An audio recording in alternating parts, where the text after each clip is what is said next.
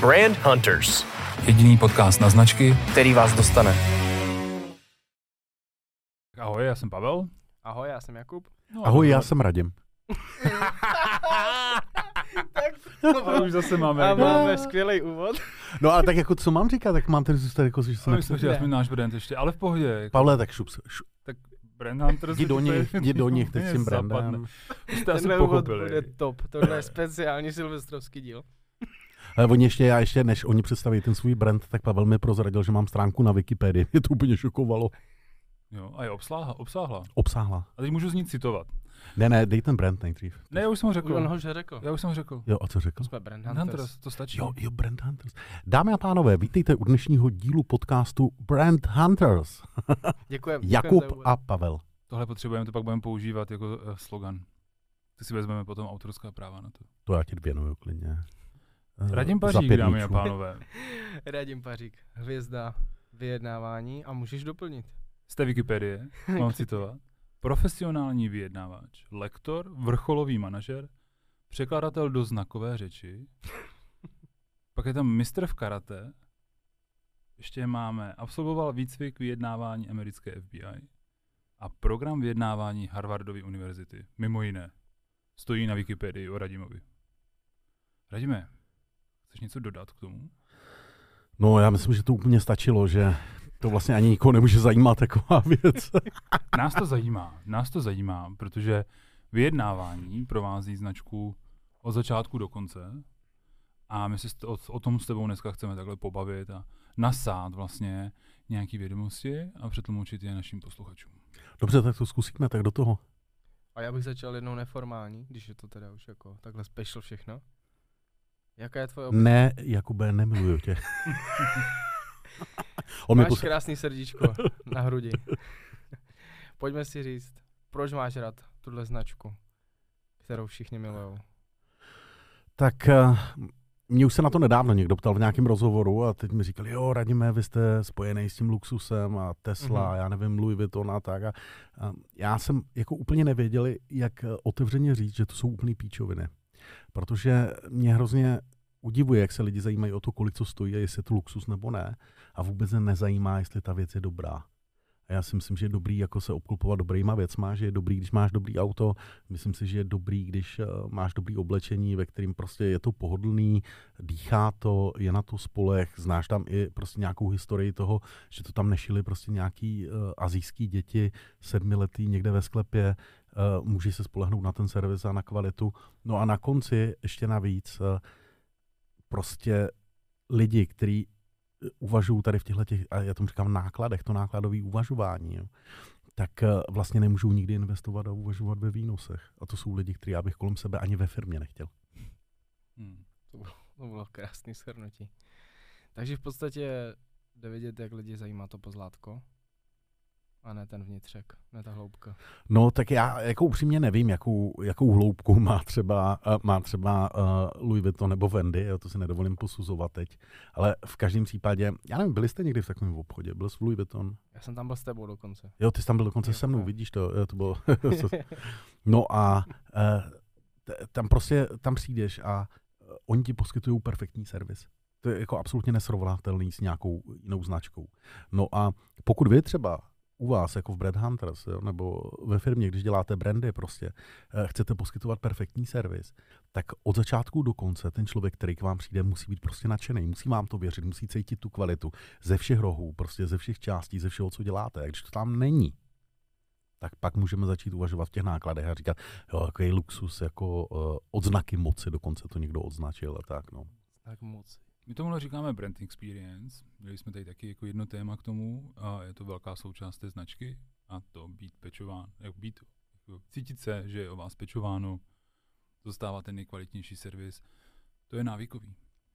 No a já si myslím, že, že by se to mělo hlavně podporovat, jo, protože um, já jezdím často do Švýcarska třeba a teď jako jsem nedávno četl nějaký příspěvek nějakého českého jakože vyjednavače, že byl taky ve Švýcarsku a že se mu to tam zdálo všechno hrozně drahý a třeba jako hmm. za data, že utratil 450 korun. A to je přesně jako věc, kterou ti Švýcaři prostě dělají podle mě dobře. Oni sázejí na kvalitu, jo. když prostě si dáš ve, Švý- ve Švýcarsku v restauraci jídlo, tak je to dobrý jídlo, když si dáš sír, tak je to dobrý sír. Když tam jdeš studovat na univerzitu, třeba na St. Gallen nebo na IMD, tak je to prostě špičková univerzita, mezinárodní srovnatelné úrovně s, s Harvardem a, a s, e, s MIT a s podobnejma. A, a tam to samozřejmě jako stojí potom peníze, ale mimochodem, pokud někam poletíte, doporučuji, leďte se Swiss Airlines, to je taky dobrý. Teď tedy padlo vyjednávání o ceně, uh, nebo vlastně jako, uh, že ten český vyjednávač jako vlastně prohlásil, že ta cena by měla být nižší a něco podobně. Je to licitování. Je vyjednávání o ceně největší součást práce vyjednavače, nebo je to jenom malá součást? Ne, vlastně ta práce vyjednavače, když eh, se chystáš na nějaký případ, tak je to tak, že první otázku, na kterou musíš dostat odpověď, je, jestli vůbec musíme vyjednávat. My si musíme uvědomit, že vyjednávání je velmi náročná a nákladná věc a můžete poškodit vztahy, protože pracujete s konfliktem. A ta lidská interakce, když se lidi potkají, tak má tři fáze. Ta první fáze je sondování. Ty prostě vejdeš do baru, se tam rozhlídneš a hledáš někoho, kdo může mít jako společný zájem jako ty. O oběť. Jo, a oběť tomu říkáte v Ostravě. Jo. Počkej, matka tvé dcery to bude poslouchat taky, jo? Nebo co? To neposloucháte v pohodě. Jo, jo. A tak zdravíme, zdravíme všechny Jakubovy oběti. Ty historické i ty budoucí. Zase jsem ti pomohl teď, že? Tak on je v Praze teď, že jo, z Ostravy, tak víš, jak to není úplně. A jo, my ho tady moc To, to nechceme střihnem. Tohle se Tohle je stříhá, jo. speciál určitě. Tohle se stříhá, jo, tenhle podcast. To v pohodě, toho stříhám já. To stříhá jo, dobrý, dobrý, vole. Takže, takže sondování a my hledáme, jestli máme nějakou, nějakou společnou plochu, takový ten common ground, uh, aby, jsme, aby jsme se, jestli máme vůbec nějaký společný zájem. A když ho najdeme, tak ta první tendence lidí je to vlastně celý zobchodovat. To znamená, nemáme konflikt. Jo? Ty prostě jdeš k tomu baru, tam stojí ta osoba tvého dnešního večerního štěstí a pokusí se zobchodovat třeba čas a drink. A pokud to přijme, není tam konflikt, navázali jste spolupráci, bezvadně to funguje, končívá to občas hezky. A pak eh, může dojít k třetí fázi a to říkáme vyjednávání a to je, když ty nějaký konflikt otevřeš. Třeba jako, hele, ve- venku je hrozně hezky, je jenom minus pět stupňů, pojď se projít. Jo, a teď eh, na druhé straně padne třeba první ne, nebo nemůžu, nebo jsem tady s kamarádkama, nebo co já vím. A tam se otevřel konflikt a tam jsme začali vyjednávat. No a když se vrátím k té původní otázce, my potřebujeme dostat odpověď na otázku, jestli se to vlastně nedá zobchodovat. Aby jsme nemuseli otevírat ten konflikt, protože to je náročná věc. No a když zjistíme, že se to zobchodovat nedá a že ty náklady na obchod by byly vyšší, než je přijatelný, tak v té chvíli jdeme do toho vyjednávání a tam už se začne odehrávat spousta věcí. My se začneme ptát, eh, co ty lidi vlastně chtějí, kolik toho chtějí, z jakého důvodu to chtějí. Řekněte mi, co se, jaká je nejhorší možná alternativa, která může nastat během toho vyjednávání, na čem to může eskalovat, kde se můžou poškodit vztahy, jaká je tam celá historie, kdo to tam vlastně celý podělal, že neklaplo to obchodování. A postupně se takhle probereme jako mnoha, mnoha hodinovou analýzou až vlastně k tomu jádru pudla, o čem se vyjednávat bude. A pak, když tohle všechno máme, tak eh, začneme malovat strategii. A ta strategie to není žádný pocit, jako že kouknu z okna a řeknu, ale tak uděláme tam 20 dne nebo 30 nebo tak a zavoláme a to, tomu a tomu ne, ne. Strategie je matematický výpočet, kde vy prostě si začnete rozmalovávat na osu X a na osu Y jednotlivý stavy, začnete to propojovat a začnete i monitorovat, jaké kroky vedly k jednotlivým úspěchům. A když tohle všechno víme a víme i, co chceme vlastně a čeho máme dosáhnout, tak potom můžeme namalovat zase pomocí matematického modelu tu cestu k tomu výsledku a uh, stanovit tam alternativní cesty. To znamená, jedna nefunguje, tak musí mít druhou nebo třetí. A to je další velmi důležitá součást toho, že ten vyjednavač na konci u toho stolu musí být velmi flexibilní. My máme nastavené cesty, máme alternativy a musíme být schopní přepínat mezi nimi. Co rozhodně nefunguje ve vyjednávání a vyjednavačova, vyjednavačova práce by to vůbec být neměla, je zapojování nějaké té ezointuice, nebo jak se jmenuje, ta, takový ty, eh, já teď se nechci dotknout nějakých biomatek, jo, ale takový ty biomatky, které věří prostě na intuici, na lepší svět, sluníčko pro všechny, eh, 193 eh, nejrůznějších osobností v lidském těle, tak to v tom vyjednávání přesně nefunguje, Mhm, protože mhm. intuice klame.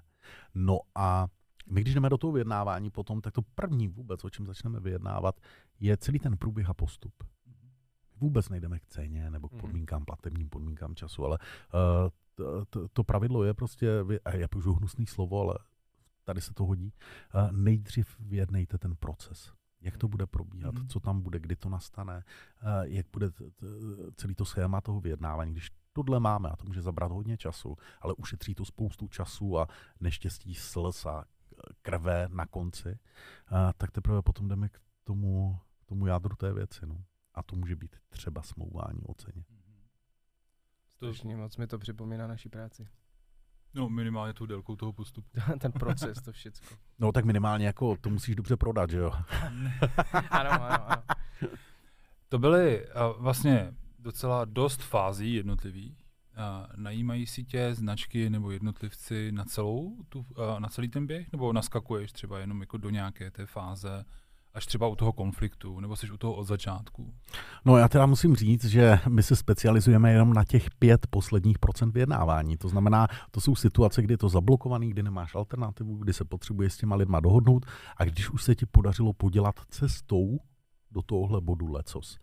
A protože ty lidi nám jako předtím nevolají. Ono je to dost podobný, jako když tě bolí třeba koleno, tak uh, ti prostě ně- nějaký kámoš poradí, ale existuje na to supergel, ten si koupíš v lékárně za 149, budeš to mazat, tak ty to mažeš, jo, pak do sebe nahážeš nějaký balgeny a tak. A teprve ve chvíli, když nemůžeš došlápnout, tak teda vyrazíš k tomu doktorovi, ale ještě předtím na Google zjistíš, co ti je. Taková klasika. No a stejně my to zažíváme ve vyjednávání, ta, tam prostě ty lidi volají, a když volají včas, vlastně teoreticky včas, a, a položí otázku uh, v první minutě, kolik to vlastně celý stojí, tak vím, že nás ještě nepotřebujou. Jo, A, a mimochodem jim držím palce, ať to dobře dopadne. Takže jako nám volají vždycky později, slepá ulička, zablok, zablokovaná situace, musíme naskočit hned. No a pak, a pak jdeme do vyjednávání. Výjimky uh, jsou naši klienti, naši dlouhodobí klienti, kteří, se, kteří volají včas, protože vědí, že jim to ušetří strašně moc nervů a strašně moc jako napětí, kdy Mhm. můžeme to vyjednávání rozfázovat, eh, rozfázovat už předem a, a naplánovat. No, takže A jsme jako Češi jako dobří vyjednavači? ne. Myslel jsem si to. My jsme jako úplně katastrofální vyjednavači. A, uh, my jsme, já jsem se teď o tom bavil, já jsem byl v Belgii. Představ si, Mhm. minulý týden jsem byl v Belgii a bavil jsem se s těma Belgičanama a oni mi říkali, hele, zajímavý na tom je, že my vždycky máme pocit takového jako emocionálního konfliktu na té české straně. A já říkal, no tak protože v Čechách je všechno osobní. Mhm. to je jako jedno, co řekneš. Jo. To je, eh, když přijde řeknu, Jakube, jako nezlob se na mě, ale ty vaše brandové uh, věci, Co tady jako prodáváš, a to, to je jako hrozně drahý. Mhm. Podívej se na něho, jak, podívej se, jak, Stuhl, že? jak stuhl člověče. No. A i v obličeji. Ne, mě ale- zajímá, odkud zná moje ceny. Kdo, Kdo- možná s někým vyjednával Kdo mu je řekl? No a to je, a, a v Čechách je všechno osobní, jakýkoliv jsi- otevření konfliktu, jo, Hmm. takže Ty jsi vyjednával přes třetí osobu. Tady, tady jako přes třetí osobu vyjednávat je dobrý. Tvoje ceny kritizují už i pod mými posty na LinkedInu, takže Já vím, já vím. a jako osoby, se kterými jsem nikdy neměl co dělat. Takže asi se to nese. Moje ceny mají dobrý positioning. No, to je takový, ale ty jsi vlastně, eh, ty jsi ten luxus v brandingu. Je, jo, to je Mm. moje kotva, protože potom vypadám, že prodávám levněji. A Dobrý, tak jsem se dozvěděl vaše taktiky. Češi, jsou, Češi, to berou, Češi to berou osobně, s tím jako velký, velký souhlas. Mě ještě, pojďme se ještě vrátit k tomu, co tady ještě proběhlo. A Kde já poznám, a jako kdy tě zavolat. Vlastně, jo. Ty jsi vlastně řekl, že máš dlouhodobý klienty, který už ví, kdy tě zavolat. Co je ten moment, kdy si řeknu, potřebuju prostě Radima a jeho tým na to, aby za mě vyjednával. Ale to je velmi dobrá otázka a moc za ní děkuju. Ve chvíli, kdy se začneš trošku bát, když začneš mít trošku strach, to je ten Toho- první signál. Toho outcomu, jako, nebo toho výsledku? Nebo čeho? může být výsledku, může být protistrany, může být, jestli to náhodou Mhm. nepřehání s Aha, těma mhm. požadavkama.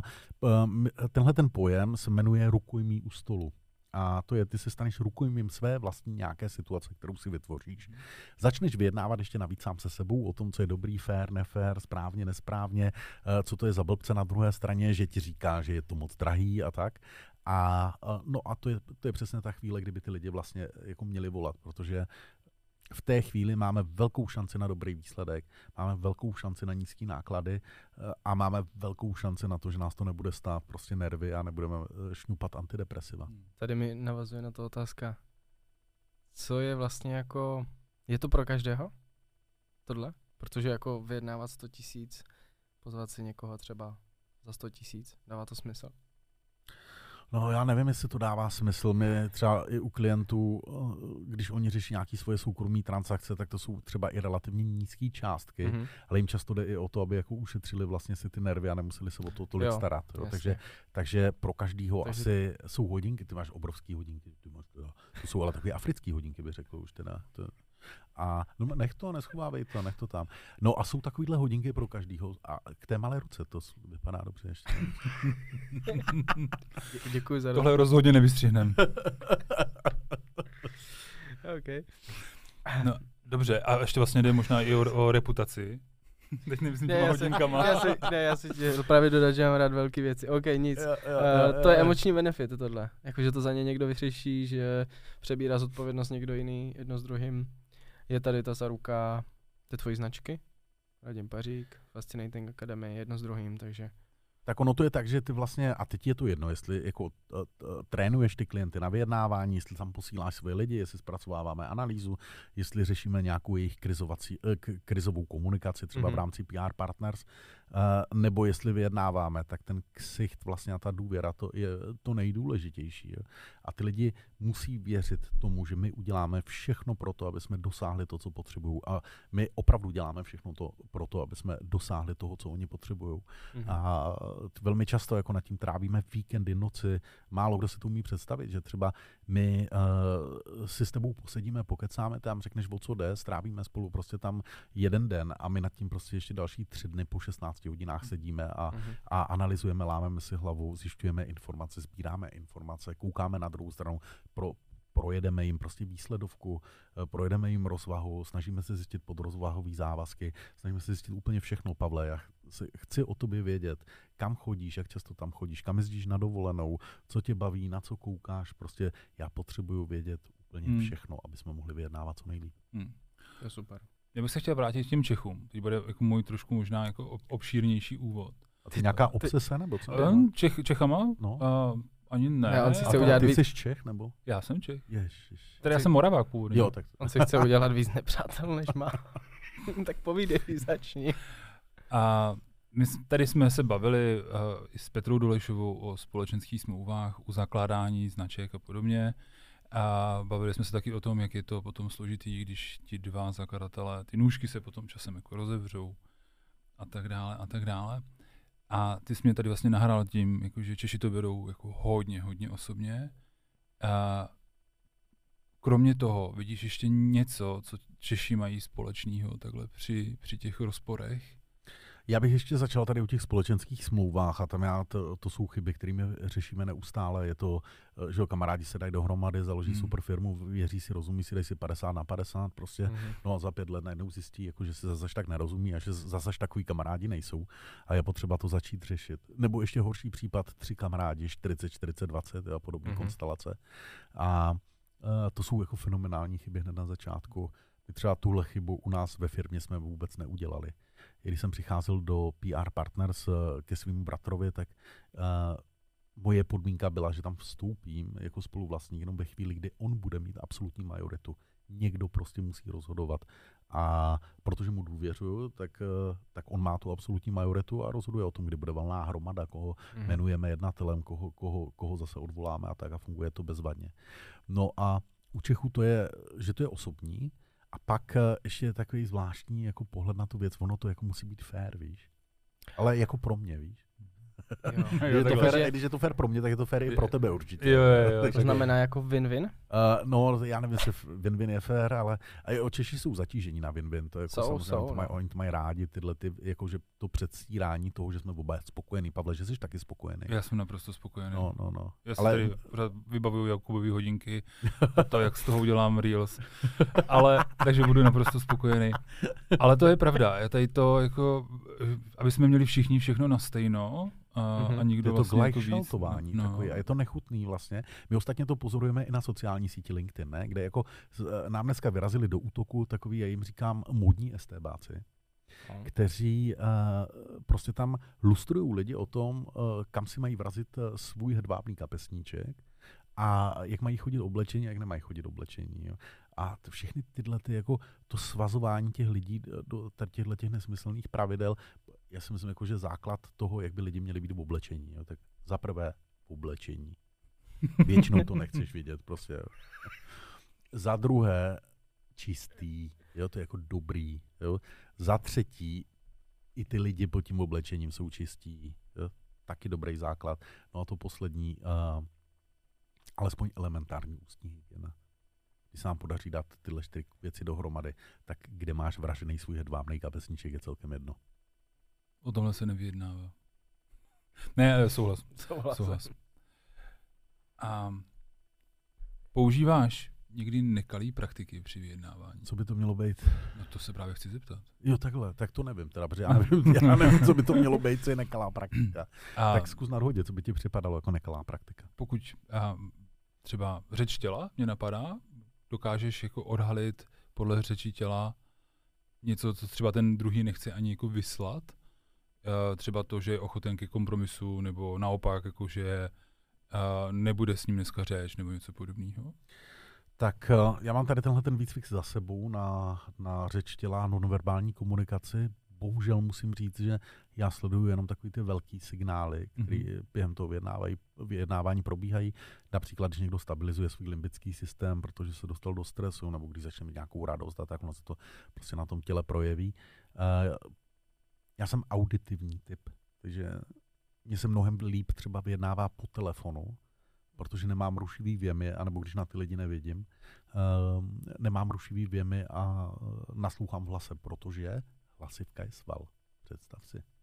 Hlasivka je sval a hlasivka se unaví, hlasivka vydává signály podle toho, kolik, kolik hormonů a energie pustíš na tu hlasivku jako na strunu svalovou a tam je slyšet prostě valná většina věcí. Pokud to není vyloženě top, top profesionální herec, tak to slyšíš. Mm-hmm. Nebo můžeš se to naučit slyšet. Jak dlouho si nejdéle vyjednával po telefonu? Ah, mnoho hodin, mnoho hodin, to jsou prostě, to může být, to, já nevím jak nejdéle, ale není výjimkou třeba, že seš 6-8 hodin na telefonu. Mhm. To je krásný číslo. To je eh, možná až jako Nechtěl bych to zažít. Nechtěl bych to zažít. Stačí pár uh, hodin na kolech a, pak o sobě nevím. Jak se tohle pak zvládá, jako 6 hodin usilovného vyjednávání? Tak 6 hodin musím říct, že ještě není tolik teda, že zažíváme i delší vyjednávání, klidně i trvá prostě několik dní po sobě, samozřejmě spíš eh, občas, Mhm. ale, ale vyjednáváš celý den. Krásný příklad pro mě jsou policejní vyjednavači, kde třeba můj dobrý kamarád, kolega, velký eh, prostě eh, náš mentor Karel Pošíval, kde u nich prostě to vyjednávání trvá klidně 12 hodin, klidně 3 dny. Mimochodem nejdelší vyjednávání v historii trvalo 52 dní. A teď myslím jako o lidský život, je to krizový. Takže tak, takový to upečem to za půl hodiny, no to je ideální stav, ale tyhle případy jako se mi málo kdy dostanou na stůl teda. Jo. Mhm. Já by, vlastně, a to, je, to by bylo dobrý, hele. To by bylo dobré, že by lidi přišli eh, s lehkým případem, který upeču za půl hodiny a platili by jako za těžký.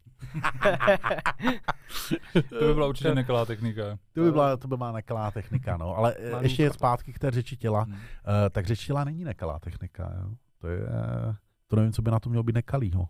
Jakože Jako, na tebe koukám takhle, nebo, nebo takhle, jo, nebo, nebo co by tam mělo být nekalýho tom? ono, jako za mě vlastně, a je to těžký definovat, ale nekalý je Nekalá cokoliv, co praktika. použiješ, jako, co by ti mohlo dát výhodu nebo neférovou výhodu vůči, vůči A co, co by mohla být neférová výhoda, by mě taky zajímalo. No, jo. a Ne. to je to, jako když- myslím, jako, že proti- použít tu profesionalitu proti amatérovi. To smyslel třeba? Třeba, no, Jo, jako, jo, ale Jo, to je zase to, že si ta protistrana nevzala zkušenýho vyjednavače, tak je to Jo, vlastně... jo, chápu, takže když Karel Gott vystupoval s někým, uh, s nějakým amatérem, který se dostal na pódium, a tak, tak měl začít zpívat jako on, jo, nebo?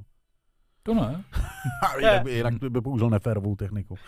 No, uh, my jsme dneska zase jako v takové podezřelé době, kde uh, jsou lidi, kteří předstírají, že se musíme chovat neustále logicky. Jo, a ještě takhle ti to řeknou s tímhle přídechem, prostě, že jsou v těch hlubokých emocích. Tím to začíná. A pak začnou vytahovat takový jako komunisticko-levicově extremistický praktiky, uh, osvěžený ještě obnošeným baťuškem. Mhm. Uh, kdy začnou mluvit o nějakých férových, neférových a manipulacích a nemanipulacích. Jo. A to mně přijde úplně jako děsuplný, protože manipulace nás doprovází celý život. Manipuláciou je odstraňování překážek.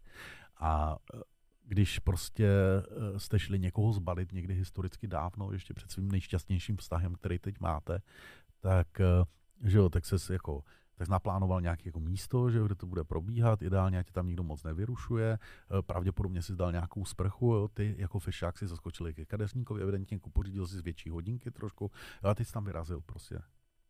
No a to je co pro Jako dobrá příprava, beru jo, tuhle námitku, ale pořád je to manipulace. Jo. My lidi manipulujeme okolo sebe neustále, ovlivňujeme je, ale důležitý přece je, k čemu to má vést. Jo? Pokud někoho chceš obrat, ožebračit, znásilnit, vykostit, zabít nebo z něho udělat třeba komunistu, tak, uh, tak to není o tom nástroji, o té manipulaci, to je jenom o tom, že jsi svině. Za jak dlouho, ty máš za sebou vlastně vlastně Harvardovou univerzitu, máš kurzy, a za jak dlouho se stanu skvělým vyjednavačem, minimálně na tvé úrovni, nebo no, těsně pod tvou úrovni. Jo, to je, to je ten doplněk, ne, to, to, to, není ono, jako skvělým vyjednavačem se vlastně jako asi nestaneme nikdy. Jo, to, je, to je hrozně těžký. A, a co je skvělý vyjednavač? Všichni děláme v těch vyjednávání chyby. Téměř nikdo, kromě jednoho jediného, ten se jmenuje George Colreiser, ten nejlepší vyjednavač světa dneska podle těch statistik který má stoprocentní úspěšnost, jinak, eh, jinak neznám nikoho, kdo by měl stoprocentní úspěšnost, takže takže... Tak pokud skvělý budeme definovat 80% a výš úspěšnosti? Nebo jestli takhle je to definovaný? Uh, těžko říct, no. Ono, uh, dobrým vyjednavačem se staneš ve chvíli, kdy si umíš udělat velmi dobrou přípravu, pochopíš, že 90% tvé přípravy musí tvořit taktika. To znamená, ty víš, s čím tam jdeš, proč tam jdeš, za kým tam jdeš, jak to bude vypadat, jak budete sedět u stolu, co komu bude svítit do obličeje, komu jste předtím zavolali, komu jste předtím nezavolali, eh, na čem prostě tohle to z tebe udělá dobrýho vyjednavače. A a k tomuhle může dospět jedině praxí. Je to stejný, jako když eh, řešíte brandové strategie, tak eh, kdy budu dobrým brandovým strategem, kolik času mi to zabere? No tak když mě na LinkedInu olajkuje 200 lidí, že ne, teď, teď to byla sranda, to byl jako únik. Ale zabere to, no tak jako normálně se říká 10 000 hodin pro profíka, že jo, jako ta standardní meta. A já si myslím, že tady to platí taky. A já nevím. Abych pravdu, já nevím. A pak ještě jedna důležitá věc, ty se to nějak naučíš, začneš to používat, ale samozřejmě nejenom, že ten obor vyjednávání se vyvíjí, to je jasná věc, ale druhá věc je ještě, že ty musíš neustále se chodit vědomostně, a to je důležitý, vědomostně konfrontovat s těma nejlepšíma, který prostě v tom oboru jsou. Já jsem se vrátil, nevím, kolik to je 14 dní asi, tak jsem se vrátil právě z Harvardu, z, z Negotiation Masterclass se to jmenuje. Tam bylo 60 top, top, top lidí, vyjednávačů, se kterými ty tam prostě trávíš ty desítky a desítky hodin. A nejenom, že jako mm. akademicky se o tom bavíte a řešíte teorii, uh, ale i vyjednáváte spolu, takže my, jako my jsme tam profrčili jako spoustu, spoustu simulací a ty tam byli generální ředitelé obrovských firm, profesionální vyjednávači, krizoví vyjednávači, kteří mm. vyjednávají o lidský životy, diplomati, prostě jako soubor lidí a ty tam se maseš a tam se konfrontuješ a často jako, když oni přijdou s nějakou myšlenkou nějakého postupu, který ty samozřejmě mm. taky znáš, jo, uh, jenom to už dávno zapomněl zase, jo, tak, tak si říkáš, radíme, ty To je super, to mě, to mě taky baví, jakože v rámci toho mého vzdělávání třeba, tak to je taky něco, co člověka prostě nakopne, být ještě lepší. Mě spíš jako šokuje, když někdo třeba, a teď to převedu na váš obor, dneska dělá každý marketing. Mm-hmm. Jo, to je prostě uh, student, materská dovolená, propuštěný z práce, uh, expert na komunikaci, to má nejradši vždycky ještě k tomu, jo, a najednou začnou dělat nějaký marketing. Jo, mm-hmm. a, a takový ty, a já, já úplně jako mně se, já ani ne, nevím, jak to pojmenoval, jako mě vždycky praskne žíla, když vidím takový ty laciný nástroje marketingu, jo, takový ty, jako, takový ty, takový urychlovače, ty steroidy, takový jako rychlá marketingová erekce, jo, bych to nazval v tom claimu. A to je třeba, napište první větu vašeho příspěvku, položte tam otázku a udělejte šest odrážek, aby to museli rozkliknout. Tím budete mít víc impresí. Já když vidím tyhle příspěvky, tak mě úplně vždycky jako pokryje zlost, protože to je tak levný, mm. tak laciný prostě, jo. nebo nebo uh, logo firmy má být vlevo nahoře. jo, a tyhle ty věci jako, jo, vždycky to tam je. Jo, a, a oni si prostě pořídějí uh, s vypětím sil vždycky nějaký e-book zdarma, uh, ze kterého pak vycházejí a, a to prostě pak prezentují. Mm. A já marketingu vůbec nerozumím, ale tuším, že tohle je jako fakt blbě. Jo. A v tom vyjednávání je to podobný. Jo. My tam máme takovýhle prostě, uh, já jim říkám, vyjednávací volný blok. Jo, to, to se spojí skupina lidí, kde jeden přečetl několik knih, absolvoval jeden online kurz zdarma a jeden za tisíc euro. Mhm. K němu se přidá někdo, eh, koho odevšad vyhodili, a třetí člověk je trestně stíhaná osoba, která stojí před soudem. A začnou společně učit vyjednávání. Tak, To zní podezřele konkrétně. Ale víš, jak jsem říkal, že tenhle, tahle série ze mě udělá náboženský věřícího člověka, tak zase jsem měl, Jo? zase jsem měl pocit, že řeknu amen. A a tak to je v pohodě, protože jako církev je dobrá. Teď nevím, co na to říct. že jo. Je to nejlépe fungující firma, když se vezmeš katolickou církev. Že? Jako- jo? tak, je to je jako super, je to že jako sická, nebo jedna z nich je teď na mizině. Jako, nějak, ale to je jedno, to, to jsme zase to jsme zabředli. Je to... Je Co, co, to- co? Já jsem se chtěl zeptat, jestli jsou situace, kdy fakt nedoporučuješ vyjednávat. Uh, téměř vždy. téměř vždy například nevyjednávejte jenom pro vyjednávání. Jo, to je nesmysl úplnej. Uh, mě by zajímalo, jestli ty lidi si spočítají, jestli se jim to vůbec vyplatí, to vyjednávání. Hmm. Uh, nevyjednávejte doma. Jo, taky není dobrý. Máme třeba ve vyjednávání je nástroj, takový standardní, jmenuje se kotva. To znamená, když to úplně zjednoduším, přemrštěný požadavek. Jo? Ty chceš prostě, já nevím, tisíc korun, tak řekneš prostě 1600 na začátku a víš, že budeš moc ustupovat. No teď si představ, Jakube, že se vrátíš z Prahy domů Mhm. a vyhodíš kotvu. Jakože třeba, hele, víš, jak máš ty dvě kamarádky ještě? Mhm. R- Rozumím. Takže to vřele nedoporučuju, no, nevyjednávejte doma. Kotvu máme my taky v, v pricingu, já to zase vedu, vezmu trošku zpátky. A, Jakou ale, máme kotvu v pricingu? no tak uh, cenová Jo, teorie. Jasně, tak. A na to jsem se právě chtěl zeptat, jestli používáš, jestli používáš vyjednávání doma, ale trošku si mi vzal vítr z plachet. To nefunguje vůbec. Nefunguje. Ne, ne. Nemá šanci, protože ti tví nejbližší, ať to jsou prostě uh, manželky, děti, rodiče, ale třeba i nejlepší kamarádi, tak oni přesně znají ty tvoje trigger pointy. Mm. To je takový to na otázku otázkou, No, to doma nefunguje. no, no to, jo, oni prostě vědí, co mají zmáčknout, kdy to mají zmáčknout, jak to mají zmáčknout. A ty si řekneš jako, hele, dneska budu, dneska budu za vyjednavače. Jo. dneska budu v klidu, tohle a eh, uběhne asi 8 vteřin. Je, to je jasný. Ještě jsi to nepočítal do těch statistik, že? No, no. A co, co třeba jako u mě je ten, jako ten spínač, je, je dotaz, uh, když přijdu domů, ty už mě nemáš rád? U mě je to, co budeme dělat o víkendu, ale tak jako... Jo, jo, to je podobný. A tam, tam jsou ještě dost rizika, protože zatím je plán už. Jo. přesně, přesně, přesně, Za touhle otázkou už je plán. Přesně. A nebo, ne, a nebo není a je to ještě možná horší. Je, vzpomeneš si na, uh, na nejhorší vyjednávání v tvém životě? Uh, tak to bylo asi to první, který mě nakoplo uh, do vyjednávání a to, to bylo, kdy prostě si mě člověk na druhé straně namazal na chleba. A já jsem si to uvědomoval už během toho vyjednávání a přesto jsem mu fandil, že to dělá dobře. To bylo jako, a tam jsem si říkal, ten člověk umí něco, co, co já neumím. Uh, a chtěl jsem se to pak naučit. Já teď přemýšlím jako úplně nějaký nejhorší vyjednávání.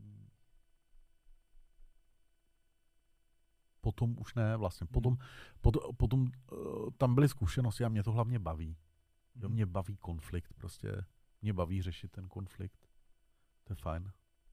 Baví tě to řešení, a, nebo jako to uspokojení z toho, že jsi to vyřešil? Tak uh, ono, víš co, uspokojení, to, na to jsou asi jiný nástroje než konflikt.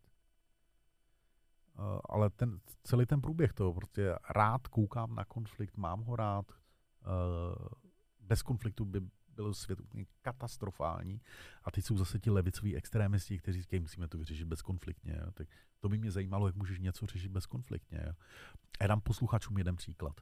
Kdybychom měli bezkonfliktní svět, tak by to znamenalo, že pokaždé vždycky za všech okolností souhlasíte například se svým šéfem. A teď se zamyslete, jestli takový svět byste chtěli. Jo, To znamená, konflikt je dobrý. A problém vůbec není konflikt, problém je, jak k tomu konfliktu přistupujeme. To je ten problém. Když tam jdu s tím, že já mám pravdu, ty jsi idiot, uh, nutně musíš uznat, že já mám nárok a musíš přece pochopit, uh, no tak, uh, tak ten samotný konflikt není problém. Je. Problém je v tom, jak to řešíme. Teď slyšel a vlastně zastávám, že jako konflikt vzniká, když, to, když chci, aby to bylo po mým. Takže Nenutně. Mhm. hm, Nenutně. Konflikt vzniká ve chvíli, kdy, kdy máme rozdílný pohled na věc. Hm. Jo, my můžeme chtít stejný cíl, ale máme rozdílný pohled jenom na to, jak se tam dostaneme a v té chvíli už vzniká konflikt. to je naše strategie. ne to, že tady tohle vyvolat, ale uh, tohle pak zkomunikovat vlastně náš pohled na tu, třeba na tu značku, Tomu majiteli té tomu firmy. majiteli. No. Hm. A tam už právě hodně často přichází do hry i to ego toho majitele, ať my se zase vracíme. Jo, tak ego je hrozně drahá ingredience. Ego je dobrá věc, ego potřebuješ. eh, Bez ega bys nemohl podnikat, řídit lidi, firmu. eh, Prostě ty musíš díky, a to dělá to ego, ty věříš tomu, že něco jde, co ostatní ani neví, že by mohlo jít. jo. To je to, co dělá tvoje ego. A, ale ve chvíli, kdy otevřeš konflikt, kdy existuje, kdy máme rozdílný pohled na věc, a já bych začal vyjednávat za to, abych vypadal dobře, aby, byl jako, aby měl kapesníček na správném místě a tak, tak, uh, tak už nevyjednávám vůbec za ten výsledek a za nějaký společný řešení. Hm. Takže ego je velmi drahá in, ingredience. Uvědomte si, kolik biznisových, ale i osobních, i třeba jako partnerských, mileneckých vztahů jsme zlikvidovali jenom díky našemu vlastnímu egu. Takže profesionální vyjednavač by měl nechat ego za dveřmi. Tak uh, já si myslím, že každý to nemusí být profesionální vyjednavač. Když jdete řešit konflikt, nechte svoje ego za dveřmi. Jo. Pak Mhm. se ho vyzvedněte, pomazlete se s ním, všechno v pohodě. Ale tam u toho vyjednávacího stolu nemá co dělat. Mhm. Já, já myslím, že tohle je taková ta teoretická rada, která jak v praxi je velice těžká uskutečnit. Pro mnohý teda. Logicky Určitě. je to, je to návyk, je to jak sval. Ty to musíš trénovat tu věc, musíš se přepnout do toho módu a když to přestaneš trénovat, tak eh, to zmizí. Mhm. Protože ego je nedílnou součástí našeho života. To připomíná vlastně jako koncept, o kterém jsem, jsem psal do našich jako témat a majitel značky pozývá si specialistu, pl- plácnu třeba brand stratega, vyslechne si to celý, jo, řekne super a stejně potom vlastně to udělá podle sebe. A tam jsem jako naražil na to vlastně, jestli je to chyba vyjednávání, ega majitele firmy, nebo je to o tom, že prostě Ani jedno. to nebylo správně. Ani jedno. Um, my si musíme uvědomit, že lidský mozek je fundamentálně negativní. A zase, když se podívám na ty uh, levicový extrémisty, tak oni žijou ve světě krásných barev, barev svítící, svítícího slunce, šťastných lidí a benefitů. No jo, jenomže ten člověk si tě pozve, chce radu a rozumí těm benefitům, který mu říkáš. Jenže u něho v hlavě se někde odehrává strach. To je ta negativita. Jo? A ten strach ještě, když vezmeme ty receptory v tom mozku, tak ty máš, když jsme to vzali, tak máš jeden receptor na dobrý zprávy a pozitivní emoce. A pak máš tři receptory na špatné zprávy a negativní emoce. To je tři na jednoho, rozumíš? To je jako, jako ostravská férovka. Jo, jo, jo? přesně, no. A Jakub to tak dělá, že on si vždycky pozve tři kámoše, ať zmlátí to, to, Kolik A ti to nejsou klienti, to jsou oběti. To už, jo, už to jsou ty oběti. jako- Znáš to, ne? Kolik ti je? Jo, nás 30? taky, nás taky. nás taky. A jinými slovy, my těma dobrýma, kladnýma věcma, těma benefitama, ve chvíli, kdy, a teď jsme u toho konfliktu, může to být vnitř- vnitřní konflikt, nemůžeme nikdy vyhrát.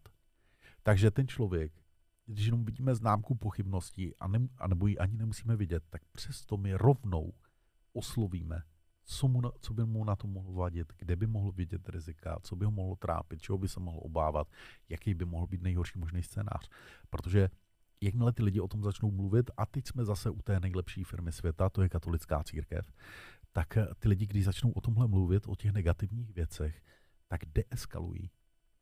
To je mimochodem institut zpovědi, je absolutně jako dokonalý systém. Ty prostě jako pravověrný katolik hřešíš od pondělí do nedělního rána, pak se umeješ, vezme si čistý šaty, vyrazíš do kostela, zavři se do anonymní budky, kde v takovém jako přítmí na druhé straně sedí cizí chlap. A ty mu začneš vyprávět všechno, co si páchal. On ti neskáče do řeči, celý si to vyslechne, tobě se uleví, on ti dá ještě nějaké rozřešení na konci a zase odcházíš. Dokonalý, dokonalý model. A v tom vyjednávání je to stejný. Já potřebuju vědět, čeho se ty lidi bojí, z čeho mají obavu. A mimochodem ve vašem biznesu, když uh, jdete za tím majitelem firmy, on to dělá jinak. To není proto, že by nevěřil těm benefitům. To je proto, že se něčeho bál a tam je ta ostravská férovka tři na jednoho. Jo, a to v tomhle jako souhlas. Mi se teď v poslední době vlastně dostalo poměrně dost rodinných firm, kdy ke mně chodí ti, jako ta nastupující generace, která by měla nastoupit, ale ten patriarcha třeba nechce opustit to kormidlo a, a já vlastně se do těchto vztahů jako úplně nechci pouštět, i když jsou to krásné firmy jako s velkým odkazem, ale já nechci být ten nástroj, Mhm. eh, který by jako toho patriarchu měl ohrozit, protože už vím, že můj výsledek vlastně nebude nikdy přijat tím Mhm. patriarchou. Jako ne, nemusí být, nebo je velká šance, že nebude přijat. To si myslím, že bychom otevřeli téma na dalších asi 15 dílů a to je nástupnictví v těch firmách. Hmm, hmm. kde eh, vlastně jedna generace tam je, vyrostla v blahobytu, druhý si to oddřel v devadesátkách, to Mhm. nějak jako vybudoval a vlastně to nechce opustit, ale ví, že by měl, protože už na něho i manželka tlačí, i Milenka na něho tlačí, jo. teď prostě on to přestává celý stíhat a tak, takže to je jako Hmm. Je to, eh, extrémně složitý téma. A ještě Jenom- dobrý téma je majitelé manžele. Mm. Taky dobrý téma. Ale viděl jsem často, že to funguje překvapivě. Já Mhm, jsem si mhm. myslel, že to nemůže fungovat taková věc.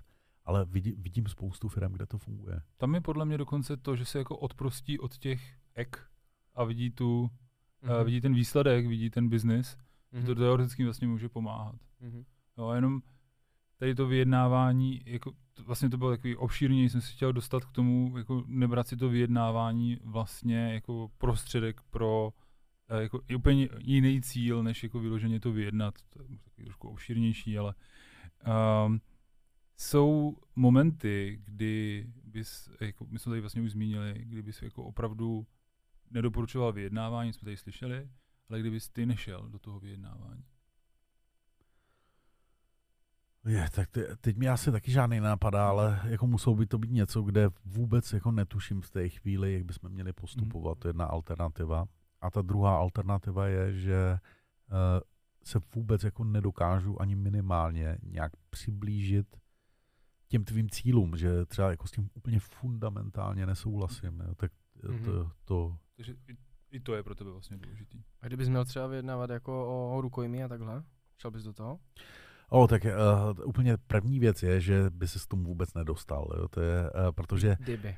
To, že, jo, protože, a to je potřeba vědět, to, že umíš vyjednávat, nestačí. Ty musíš znát celý ten systém a celý ten aparát zatím, celý ten policejní systém, celý ten FBI systém, jejich strategie, mm. jejich postupy. Není náhoda, abys mohl být policejní vyjednávač, tak musí být předtím policajt. Jo, to není jako, že teď, oni by mě asi jako na základě toho, jak umím vyjednávat, tam vzali a zaměstnali, jo, Mhm. ale, ale já bych tam udělal jenom obrovský průser samozřejmě, protože vůbec nechápal, co se děje okolo, jo, takže Mhm. tím bych začal. A, a pak je taky jako kdyby, jo, to je jak, Mhm. kdybys měl větší ruku, koupil by si z menší hodinky. Ještě předtím, než to, než to ukončíme, ve mně jako hodně rezonovala ta příprava, a jako nebo to, to vlastně, že potřebuješ hodně času a hodně podkladů na přípravu. Co uděláš v momentě, když zjistíš, že ti třeba klient nedal všechny podklady? A to mi nikdy nedá všechny podklady. to, je jako, to, je, Nebo to je jako taková ta, třeba nedal. to, jo, ale tak to je, to je zase klasická situace, jo, protože ty lidi přicházejí, teď jsou v nějakých emocích a to nemusí být úmyslně. To je, že zapomenou, nepřipadá jim to důležitý, eh, nebo se za to stydějí a tak jako nad tím mávnou rukou a tak. A až právě když s nima vedeš jako dlouhý hodiny dialog na to téma a doptáváš se do hloubky, tak začneš objevovat věci buď, teda, že ti něco jako neřek, anebo že tam něco nesedí. Mhm. A, a pak je to o, o tom, jakým způsobem s tím budeš pracovat, protože já když řeknu, ha, Pavle, ty jsi mi tohle ale jako neřek, jo, tak, tak, tak jako samozřejmě to rozbouráš, ten vztah. Uh, takže vždycky se to děje. Mhm. Jo, A já ani nevycházím z toho, že bychom měli kompletní informace. Já jsem nedávno od tebe slyšel, a to se mi strašně líbilo, že nejdůležitější je poslední dojem. Hmm. Protože všichni říkají, že i Pavel třeba říká, že je pro něho důležitý první dojem. Já si to myslím stejně jako ty, protože vlastně tím, že jsem vyrost v obchodu, ten poslední dojem je vlastně jako Alfa Omega, řekni nám k tomu tvůj pohled. Je to mi fakt zajímá. Tak samozřejmě ten první dojem je důležitý. Uh, ty máš velmi dobrou šanci ho upravit nebo změnit, a to pozitivně nebo negativně. Uh, já dám dva příklady a teď mluvím k posluchačům. Stalo se vám někdy, že jste potkali někoho, kdo vám byl úplně nesympatický, ale úplně. A když jste si s ním pár minut povídali, tak jste změnili pohled a říkali jste si, jo, ten Jakub, hele, jako zase takový Jakub není. prostě. Stalo se vám to? Stalo. Samozřejmě. že. Jo, jo, já asi jsem teď dva, že? neviděl, jo, jo, jasně, no, přesně. Jo. A úplně v obráceně, potkali jste se s někým, ten vám byl super sympatický, prostě Mhm. úplně jako perfektní borec, všechno běželo, jo, prostě výborně si povídáte a najednou po nějaké chvíli tebu, tebu projede taková emocionální vlna. Já se s tím člověkem nechci bavit. Mhm. A to je ono. Jinými slovy, ten první dojem, ten je korigovatelný uh, a velmi často se i stává, že ty lidi přijdou, nastaví nějaký první dojem, to je bouchají do stolu, křičí, dělají bu, bu, bu, dělají ze sebe strašidlo uh, a pak uh, a je to nějaká výchozí pozice pro to, aby něčeho dosáhli. Na druhou stranu sňatkový podvodník nebo nějaký prostě oblékací estébák se snaží navodit dobrý první dojem a pak, pak prostě tě obere za rady, uh, jak má vypadat tvůj svetr. Jo. Takže uh, jo, to jsou prostě tyhle, ty, tyhle ty pohledy. Ale co, co nevyřešíš nikdy, je poslední dojem. Mhm. Jakým způsobem odcházíš, jakým způsobem se rozloučíš. My Češi jsme na to specialisti. Uh, nám se daří jako ten poslední dojem rozkopat úplně neuvěřitelně. To jsou všechny ty věty typu uh, no tak já se spojím s vaším šéfem. Vy nevíte, s kým si zahráváte. Děláte velkou chybu.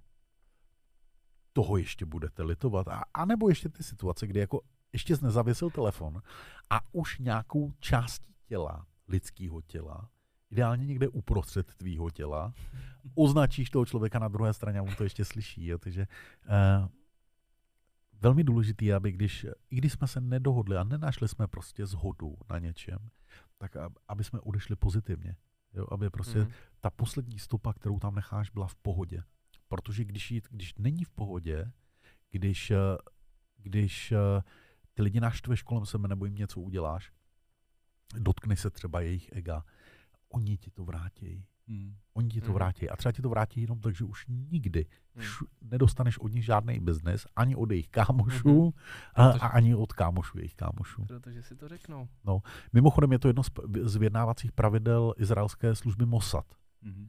eh, kde oni říkají, nejdůležitější je poslední dojem. Oni, když se s někým rozcházejí, ukončují spolupráci, tak prostě vždycky, vždycky dbají na to, aby zanechali dobrý poslední dojem. A já bych se s ním dneska Přesně. rozloučil. Protože tohle je ten nejlepší dojem. Takže Nejlepší poslední dojem. Radíme, děkujem. Moc děkujem. Pánové, já moc děkuji za pozvání a pokud by to slyšel alespoň jeden člověk a pomohlo mu to, aby měl lepší branding, aby líp uvažoval o brandových strategiích a aby vám zavolal, tak uh, mi bylo ještě větším potěšením. Děkujeme. Děkujeme. Děkuji vám, mějte se.